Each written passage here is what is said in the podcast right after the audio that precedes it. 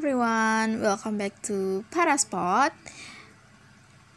Dan di sesi kali ini saya ingin membacakan sebuah buku, buku yang ditulis oleh para member MSPP Batch 3 di Pare. Dan semoga cerita ini dapat menginspirasi kalian semua baik itu dalam menulis maupun beraktivitas dan melanjutkan mimpi-mimpinya. Oke, yang pertama saya akan membacakan cerita dari Isan Prasetyo dengan judul Gugusan Bintang. Dan dia ciptakan tanda-tanda penunjuk jalan. Dan dengan bintang-bintang itulah mereka mendapatkan petunjuk. Quran surat An-Nahl ayat 16. Malam cukup tenang untuk mengenang hingga suasana begitu nyaman untuk sebuah senyuman. Kembali para manusia memandangi langit yang cukup cerah, berpendar sinar bintang yang menyebar di gelapnya, langit luas membentuk gugusan-gugusan bintang yang dinanti para petualang untuk menunjukkan arah jalan pulang.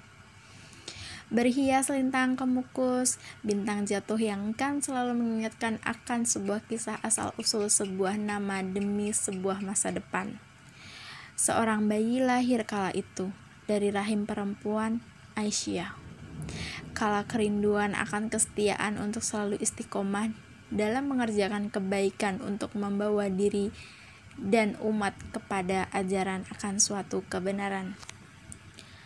Lintang kemukus ing wanci wengi nalika langit padang ing wanci peteng tumuju munggahe srengenge.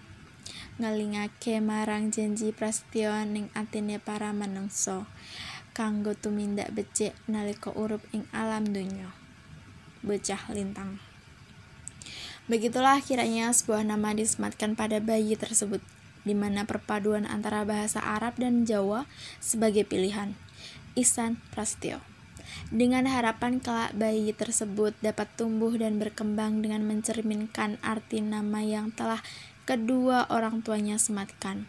Begitulah kiranya diri yang hina ini biasa dipanggil oleh sebagian besar manusia di bumi, meski masih sangat jauh dari harapan.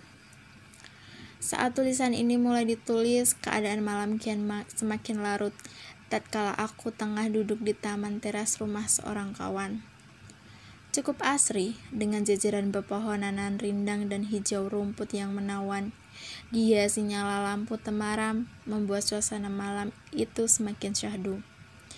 Sendiri ku menghabiskan malam mengenang kisah perjalanan satu manusia hina ini dalam usahanya untuk mencapai asa bersama para pejuang tangguh, para pewujud mimpi dari tanah Sabang hingga Papua disatukan dalam wadah yang sama dengan visi yang sama, penuh perbedaan sifat dan karakter, namun saling melengkapi dan menjaga. Serup, ah, nikmatnya. Suara kopi yang kuseruput berpacu dengan gumam kulirih kala itu. Ku ambil secari kertas yang penuh rayum, lembut oleh sebatang pena untuk menorehkan sepenggal saja menggelitik yang pernah dituliskan. Sebagian dari mereka ada yang selalu bertanya, sedang apa wahai kau, wanit, wahai pemuda? Lantas ia menjawab, menikmati secangkir kegagalan dan sepotong kekecewaan di bawah syahdunya rintik hujan senja ini agar habis tak tersisa dan malam nanti bisa ku lanjut semua mimpi-mimpiku agar tak ditelan sirna. Teringat diri akan setitik perjalanan kala itu. Cukup panjang, namun tak begitu lama. Sungguh, bukan hal yang sekedar layak dikenang, melainkan sayang jikalau tak bisa diulang. Merli pernah mengatakan, Sebagian yang lain merasakan hujan, sedang yang lain hanya basah. Begitulah kiranya perbedaan persepsi dari setiap pengalaman akan berbeda satu dengan lain. Bagiku, itu sungguh hal yang luar biasa. Salah satu harapanku bisa terwujud kembali. Ya, hal yang mungkin bagi sebagian besar dari mereka adalah hal yang remeh, bagiku adalah hal yang mewah. Kala itu diri yang hina-hini diberi kesempatan untuk mengikuti salah satu program yang dijalankan oleh Diktilikbang PP Muhammadiyah untuk persiapan para kader yang ingin melanjutkan kuliah ke luar negeri, khususnya dalam aspek persiapan bahasa Inggris.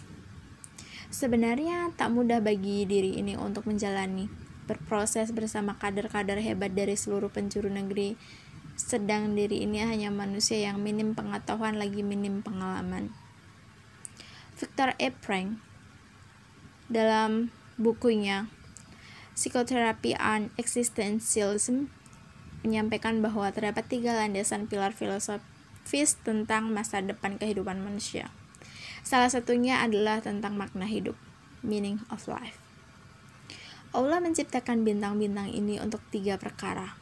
Allah menjadikan sebagai perhiasan untuk langit, untuk melempar para syaitan, dan untuk menjadi alamat tanda-tanda sebagai penunjuk arah. Syahli Sahih Al-Bukhari 4 garis miring 07 Hal ini akan menjadikan kehidupan manusia lebih bermakna dan sekiranya akan dapat dijadikan sebagai pedoman dan arah kehidupannya. Berkenaan dengan hal tersebut, sekiranya kalau boleh disebut, tuliskan tulisanku ini ingin sedikit menggambarkan bagaimana gugusan bintang baru tersebut terbentuk dan terjangkau dari bintang-bintang baru sistem tata surya persyarikatan dengan berbagai karakteristik yang berbeda dan unik. Bersama 48 orang lainnya yang berasal dari berbagai daerah dari tanah Rancong sampai tanah Papua, berkumpul menjadi satu seolah membentuk gugusan bintang baru melambangkan pejuang bersenjata penang. Menjadi rujukan baru para pejuang mimpi sebagai petunjuk arah menuju jalan kesuksesan mereka. Berbeda karakter, namun tetap melengkapi. Ibarat berbagai rasi yang saling berintegrasi. Awal sebuah perjalanan dimulai dari sebuah gedung paling megah di zamannya, terletak di Yogyakarta lantai 2 bagian utara, tempat di mana pertama kali dulu diri ini dikader di Yogyakarta.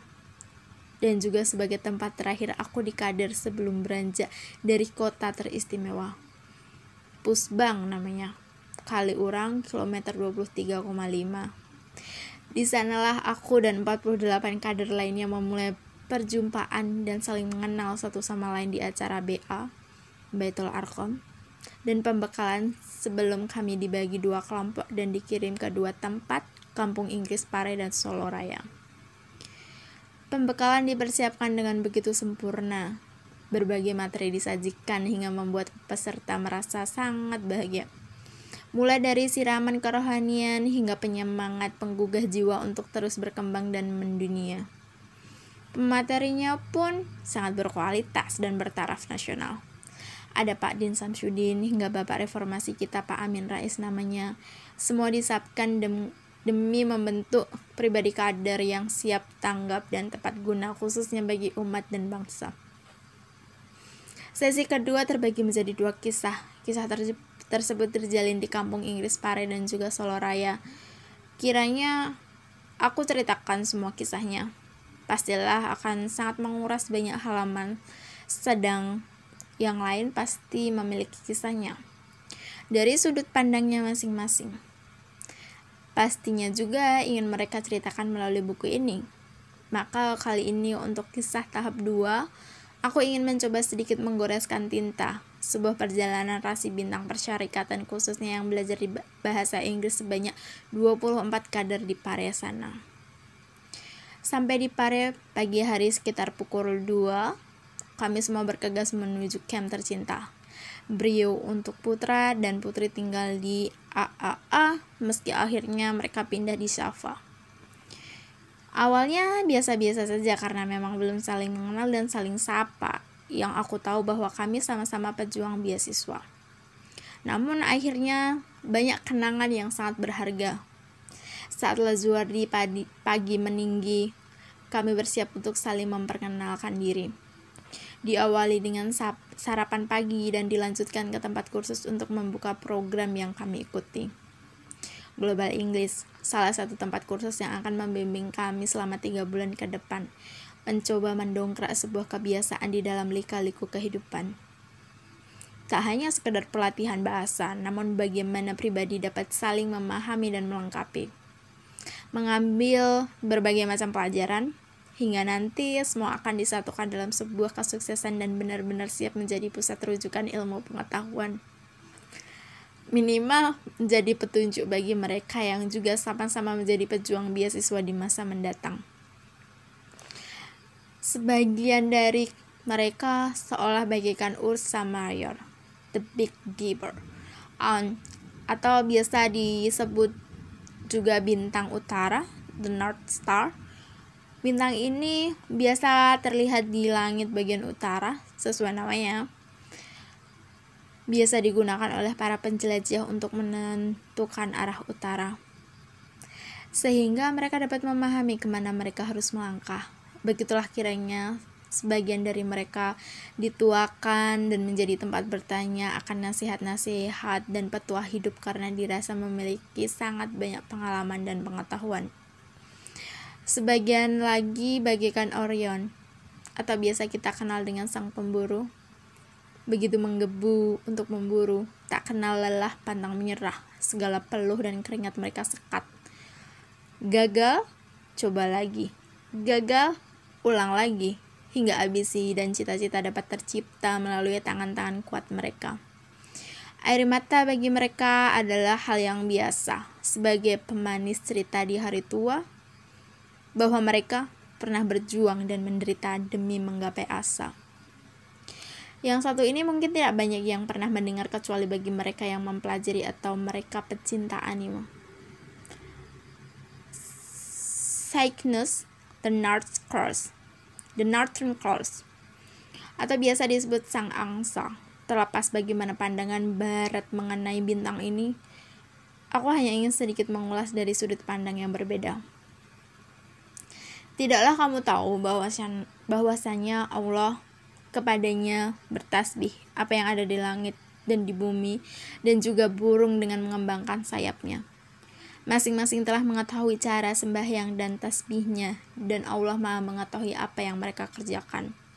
Quran Surat An-Nur ayat 41 Angsa yang merupakan salah satu bangsa burung yang paling setia, penuh cinta, dan juga menjadi salah satu lambang kesetiaan. Setia akan tujuan, setia akan penghambaannya kepada Tuhan, istiqomah, tak kenal lelah, sabar dan menghadapi ujian karena sadar bahwa setiap apa yang menim menimpanya adalah ujian untuk meningkatkan keimanannya di hadapan Allah. Lainnya, mungkin yang cukup mendekati bagi yang lain adalah Aquila atau biasa disebut sang elang. Salah satu bintang paling terang yang terdapat di rasi ini adalah Altair. Berasal dari frasa Arab Al-Nasr Al-Tair elang terbang. Kau tahu kawan, bagaimana elang terbang? Dengan penuh keseimbangan, ia terbang. Tak goyah meski hempasan angin menerjang. Matanya menatap tajam hingga cengkramannya bersiap untuk menerkam mangsa. Tak peduli sejauh mana ia harus terbang, asal terus dan tetap berjuang. Ia percaya bahwa mangsa impian pasti akan ia dapatkan. Semuanya bersatu, berproses, dan menyelami wak sang waktu mengejar tujuan yang satu. Ini bukan tentang ramalan perbintangan, hanya sebuah pandangan dari sisi, dari sisi lain sudut pandang kehidupan. Mengambil intisari akan sebuah pembelajaran bahwa untuk menggapai sebuah mimpi tidaklah semulus seperti apa yang direncanakan. Mungkin kita bisa bersama-sama mengambil banyak pelajaran dari mereka, dari perjalanan hidup para pejuang mewujud mimpi di mana karakteristik masing-masing bisa menjadi acuan apa yang bisa dan harus aku lakukan untuk mengejar impian. Mereka lah para kader persyarikatan yang berkumpul dan disatukan dalam satu wadah untuk satu tujuan. Hingga di masa depan, setiap dari mereka akan mengorbit di galaksi dan koordinatnya masing-masing, menjadi penerang bagi umat dan bangsa membentuk rasi bintang baru, rasi bintang persyarikatan sebagai acuan dan pedoman mereka yang ingin mewujudkan mimpinya mengarungi dunia. Tak sadar, ternyata buayan alam malam itu cukup melenakanku. Ternyata jarum jam telah menunjukkan pukul 1, kopi yang hangat kini telah menjadi dingin dan udara dingin pun seakan membeku. Kuputuskan untuk kembali ke kamarku melanjutkan perjalanan fana dalam membangun mimpi melalui imaginatorium sebagai sepertiga malam mengambil kembali, memanggil kembali. Perjalanan masih sangatlah panjang. Ingat kata bapak dulu. Jangan pernah kau tinggalkan hatimu di tanah perantauan, agar kau tetap bisa merasakan nikmatnya merindu akan kampung halaman. Kurapikan semua kertas yang dari tadi berserakan di atas meja, kususun rapi dalam sebuah tempat khusus yang terjaga baik. Laiknya semua kenangan yang telah terjalani selama program MSPP Batch 3 ini yang akan selalu kusimpan khusus dalam salah satu bilik hati seorang pemimpi yang hina ini. Jika rindu adalah kolaborasi antara jarak dan perasaan, maka cukuplah Tuhan sebagai perantara antara keduanya yang akan selalu menyatukan kita dalam satu naungannya. Hingga nanti kita akan dipertemukan kembali dalam keadaan yang lebih baik, di mana kita telah mencapai kesuksesan dan tak ada lagi impian yang bisa kita kejar, kecuali janahnya. Amin. Bertebarlah di muka bumi ini, wahai pejuang. Mereka membutuhkan kalian biarlah diri ini tetap menjadi suluh kecil yang mungkin hanya bisa menerangi sedikit ruang di tengah luasnya gelap dengan penuh keterbatasan. Akan selalu ku kenang setiap hari dirimu kawan. Hingga setiap bintang yang bersinar di langit akan mengingatkanku pada kalian. Dan suatu hari nanti, jangan pernah heran jika ada seorang anak sengaja jauh-jauh menemui hanya untuk meminta petuahmu karena bisa jadi itu adalah anakku yang telah melihat satu bintang sebagai petunjuk jalannya di masa mendatang. From regard. Rival Putra Muda Isan Prastio Oke, okay, thank you so much for hear me. Jadi itu tadi cerita dari salah satu teman saya Isan Prastio. Kenapa saya memilih cerita ini untuk saya bacakan pertama karena saya suka dengan bahasa penulisannya. Seperti yang dikatakan oleh Mbak Kori, dia menyusunnya dengan sangat rapi dan sangat bijak dalam menyampaikan kata-katanya. Mungkin ini bisa dibilang salah satu tulisan terbaik yang ada di buku kita. Selamat menikmati dan selamat membaca lagi. thank you